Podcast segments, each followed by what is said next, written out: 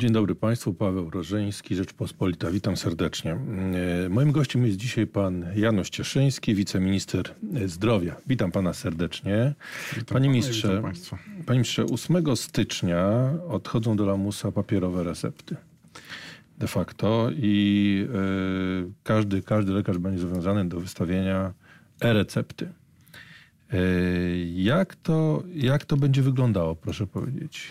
No, przede wszystkim warto zauważyć, że prawdopodobnie y, sporo jeszcze tych papierowych recept pozostanie w obiegu, ponieważ kluczową informacją dla lekarzy i pacjentów jest to, że wszystkie recepty papierowe, które zostaną wystawione, y, czy to przed y, 8 stycznia, kiedy, y, czy, czyli przed wejściem w życie obowiązku, czy też ewentualnie po, ponieważ zakładamy pewne sytuacje, w których to wciąż będzie możliwe, będą ważne i będzie można je w aptece y, zrealizować. Jeżeli patrzymy na systemy zagraniczne, na systemy, w których po wielu latach, zazwyczaj to było około 8-10 lat, y, takie wdrożenie recepty następowało, no to tam zawsze ten y, ułamek, ten jakiś niewielki procent recept papierowych pozostawał, no bo mm, tutaj y, bardzo ważne jest na koniec dnia to bezpieczeństwo pacjenta. No nie możemy sobie wyobrazić takiej sytuacji, że ze względu na no, jakiekolwiek perturbacje, czy jakiekolwiek kwestie związane z systemem elektronicznym, nie będzie możliwości wydania pacjentowi leku. Natomiast oczywiście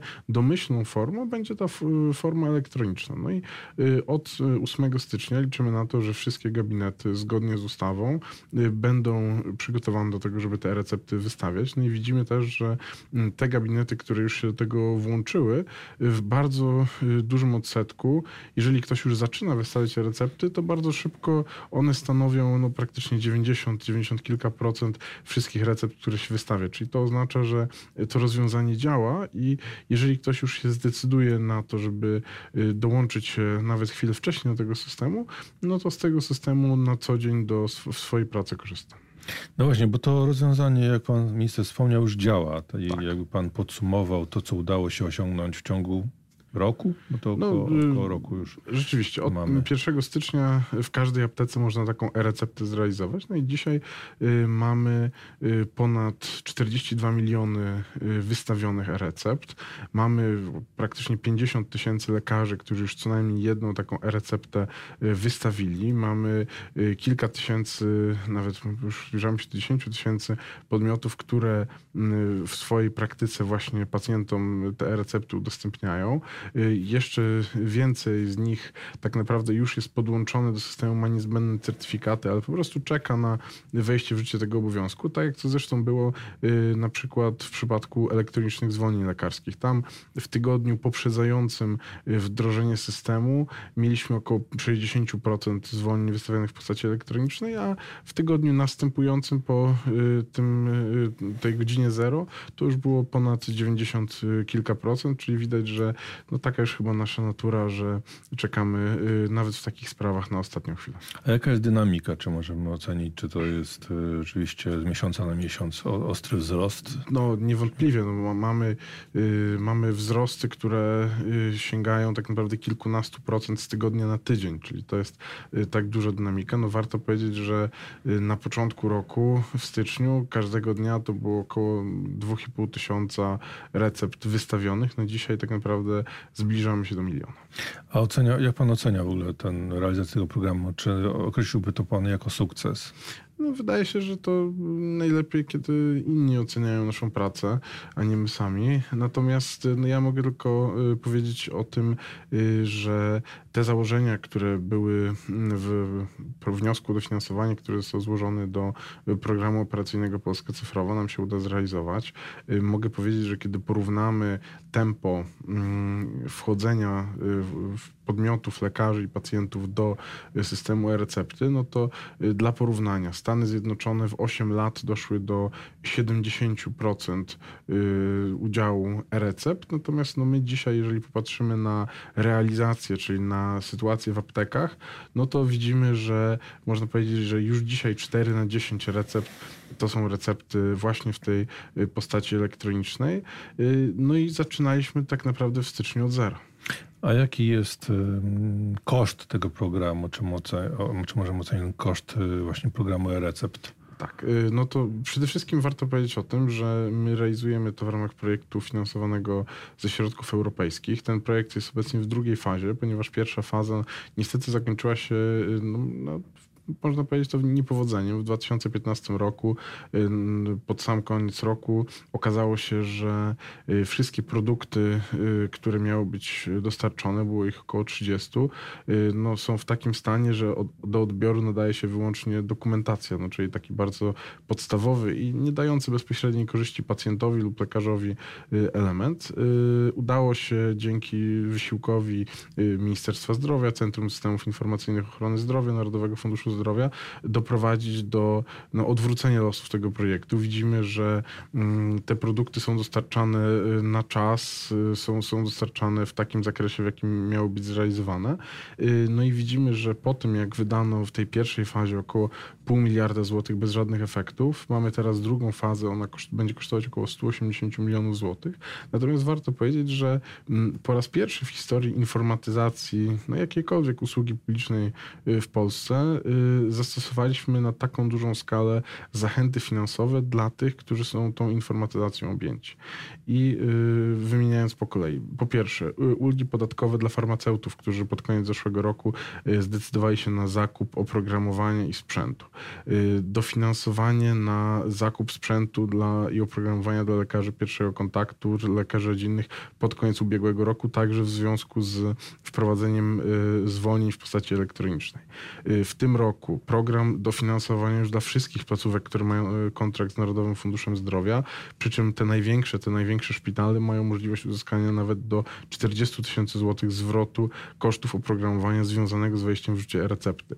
E, dla lekarzy rodzinnych, którzy, tak jak mówiłem, tutaj e, mają największy udział w wystawianiu recept w ogóle, mamy też specjalny program, który zachęca do tego, żeby jak najszybciej, nie w tym ostatnim terminie, wchodzić do tego programu i z tego programu y, wiemy, że skorzystało bardzo wielu lekarzy i prawdopodobnie to temu zawdzięczamy ten duży wzrost, który pojawił się w, y, we wrześniu, bo od września ten program funkcjonuje i na te ostatnie cztery miesiące tego roku y, każdy, kto dołączy do wystawiania recept, może liczyć na niewielką modyfikację, wzrost stawki mm, kapitacyjnej, stawki, która mu za każdego pacjenta przysługuje jej wysokość jest uzależniona od tego, jaki odsetek recept elektronicznych wśród wszystkich wystawionych przez tego lekarza y, się znajduje. No jeżeli podsumujemy sobie y, koszty y, właśnie tych dofinansowań, bo to jest tak naprawdę najważniejsze, to myślę, że można powiedzieć, że osiągnęliśmy około 100 milionów złotych, a może nawet udało nam się tę kwotę przekroczyć.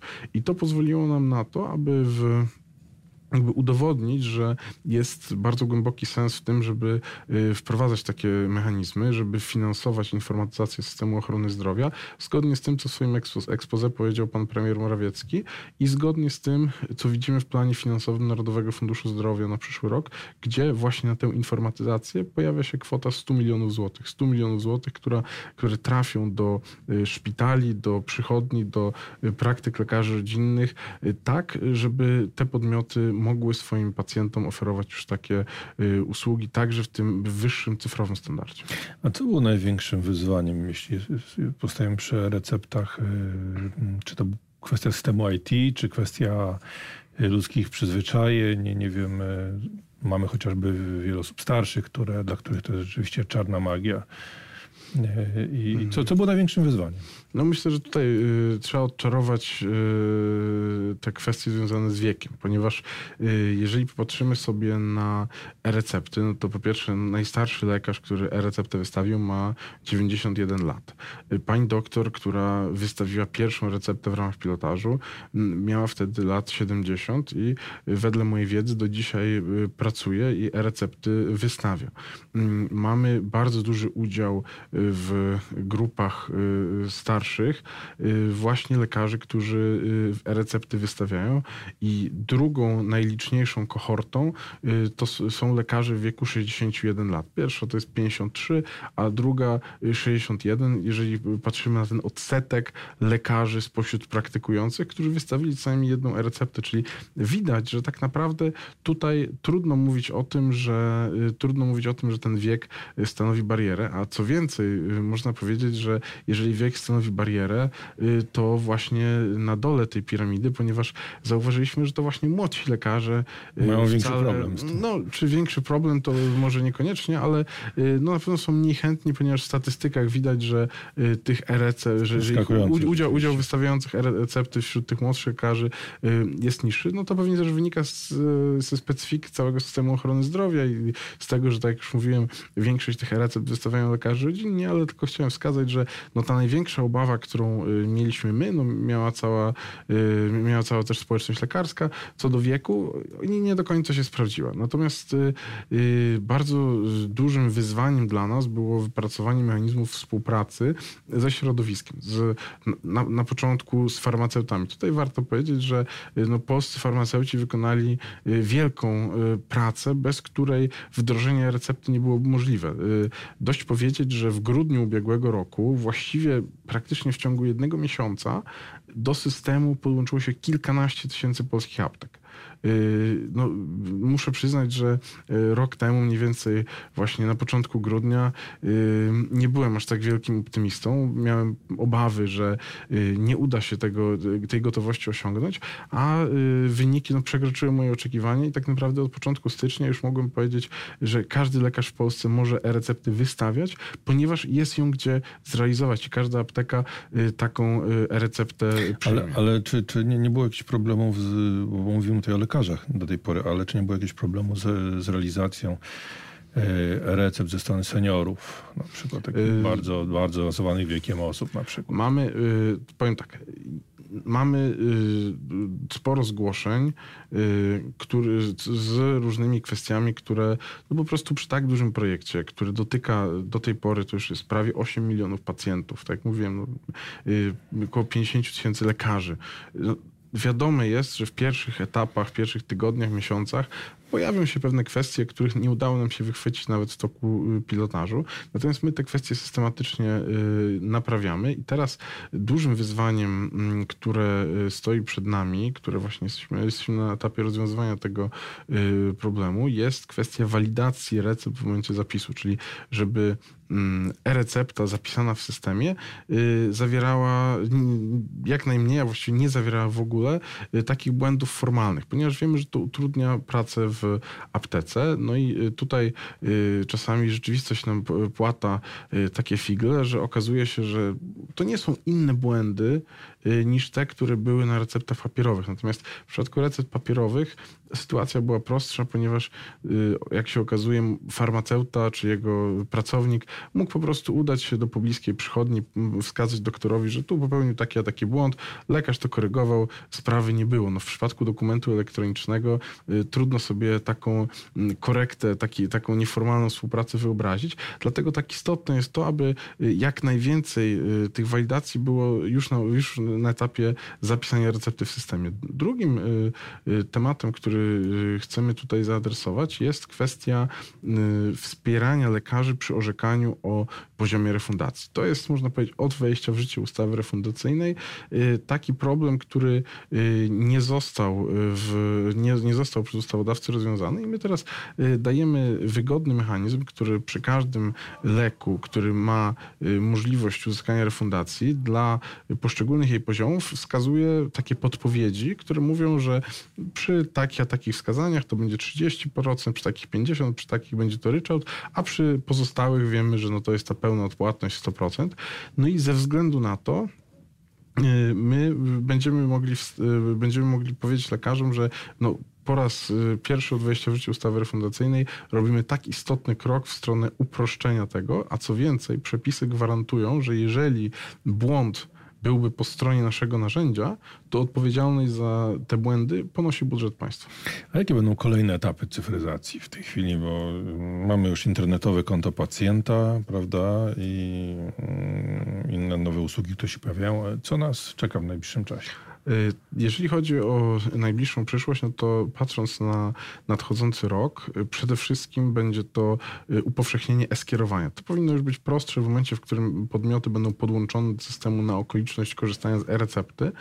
Natomiast jestem przekonany, że to też będzie, to też będzie duże wyzwanie. No i bardzo duża zmiana, taki most pomiędzy systemem publicznym i prywatnym, czyli wymiana elektronicznej dokumentacji medycznej oraz informacji informacje o tak zwanych zdarzeniach medycznych. Zdarzenie medyczne, no to yy, kolokwialnie mówiąc, wizyta czy w poradni specjalistycznej w szpitalu, o której informacja zapisuje się w naszym systemie i na podstawie tej informacji my jesteśmy yy, w stanie udostępnić za zgodą pacjenta taką informację w jedno, jednolitym formacie pomiędzy yy, różnymi specjalistami. Czyli można sobie wyobrazić, że idziemy od jednego, korzystamy z usług kilku lekarzy, no i oni nagle y, będą w stanie już w stuprocentowy pewny sposób dowiedzieć się o tym, co y, wydarzyło się na tej wizycie u innego specjalisty. A jak wygląda na tle innych krajów, jeśli chodzi o cyfryzację służby zdrowia w tej chwili? Y, na pewno, na pewno wyglądamy znacznie lepiej niż jeszcze kilka lat temu. Y, natomiast y, warto powiedzieć, że no, ochrona zdrowia i to powiedzą wszyscy eksperci jest takim aspektem, gdzie bardzo wiele, mm, bardzo wiele wymyka się z takich standardów, które na przykład znamy z bankowości czy innych usług publicznych. Przede wszystkim ze względu na złożoność tego systemu oraz na to, że tutaj bardzo istotnym problemem jest, jeszcze przez jakiś czas będzie, kwestia wprowadzania danych do systemu.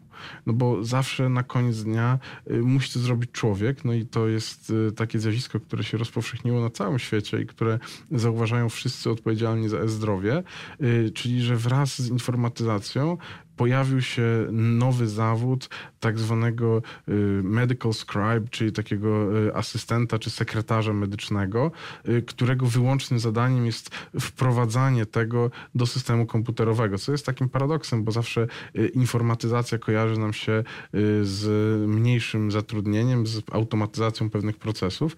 No i to pokazuje, że przed nami jest jeszcze długa droga do tego, aby e-zdrowie było takie naprawdę wyłącznie e.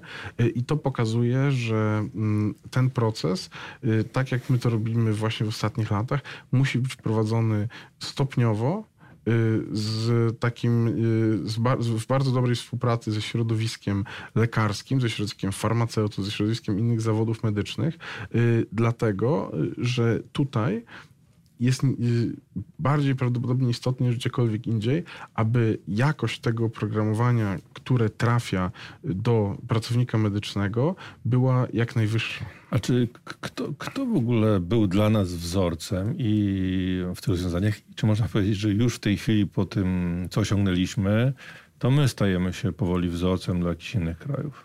No, nie trzeba patrzeć daleko. Na przykład y, nasi zachodni sąsiedzi Niemcy y, nie mają jeszcze y, takiego systemu e-recept, nie mają systemu e-zwolnień. To jest projekt, który realizowała pani profesor Gertruda Uścińska w Zakładzie Ubezpieczeń Społecznych i który spotkał się z bardzo dużym zainteresowaniem właśnie na przykład w Niemczech, ponieważ on doprowadził do bardzo istotnego usprawnienia mm, tego procesu orzekania o niezdolności do pracy.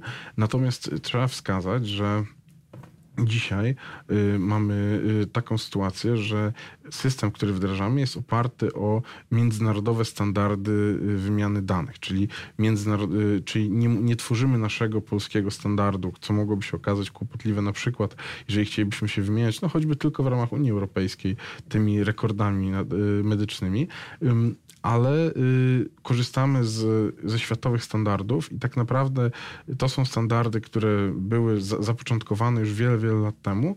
Natomiast y, dzięki temu, że one zostały wypracowane, że one zostały jakby przetestowane już w rzeczywistym otoczeniu, y, Polska jako taki kraj, który w tym sensie nadrabia dystans do y, przede wszystkim krajów zachodniej Europy, także Stanów Zjednoczonych, y, ma tu trochę łatwiej. Natomiast na pewno za nami jest bardzo wiele krajów, mm, które jeszcze nie zdecydowały się na to, żeby pójść w stronę e-zdrowia i które przede wszystkim y, mają problem wynikający z tego, że ich system ochrony zdrowia jest bardziej rozczłonkowany. Na przykład y, odpowiada za to region, czy, czy land, czy taki odpowiednik naszego województwa. No i wtedy okazuje się, że czy w Stanach Zjednoczonych poszczególni ubezpieczyciele i wtedy okazuje się, że pomiędzy tymi podmiotami y, pojawia się bardzo istotny problem standardów wymiany danych. I dlatego my w te standardy od razu zainwestowaliśmy i y, jestem przekonany, że dzięki temu może dojść do takiej sytuacji, jak na przykład miała miejsce w bankowości, czyli że y, Polska no, nadrobiła pewien dystans do y, krajów Zachodu, a nawet je wyprzedziła, ponieważ y, z pewnych błędów, które, czy z, pe, z pewnych standardów, które zostały tam przyjęte, po prostu zrezygnowano już na początku, wiedząc, że są dostępne lepsze, bardziej nowoczesne rozwiązania. Czyli udało nam się dokonać pewnego skoku i mam nadzieję, że kolejne kraje będą to na nas patrzyły jako wzorzec. Dziękuję bardzo za rozmowę, Dziękuję panie bardzo. ministrze. Moim gościem był pan Janusz Cieszyński, wiceminister zdrowia.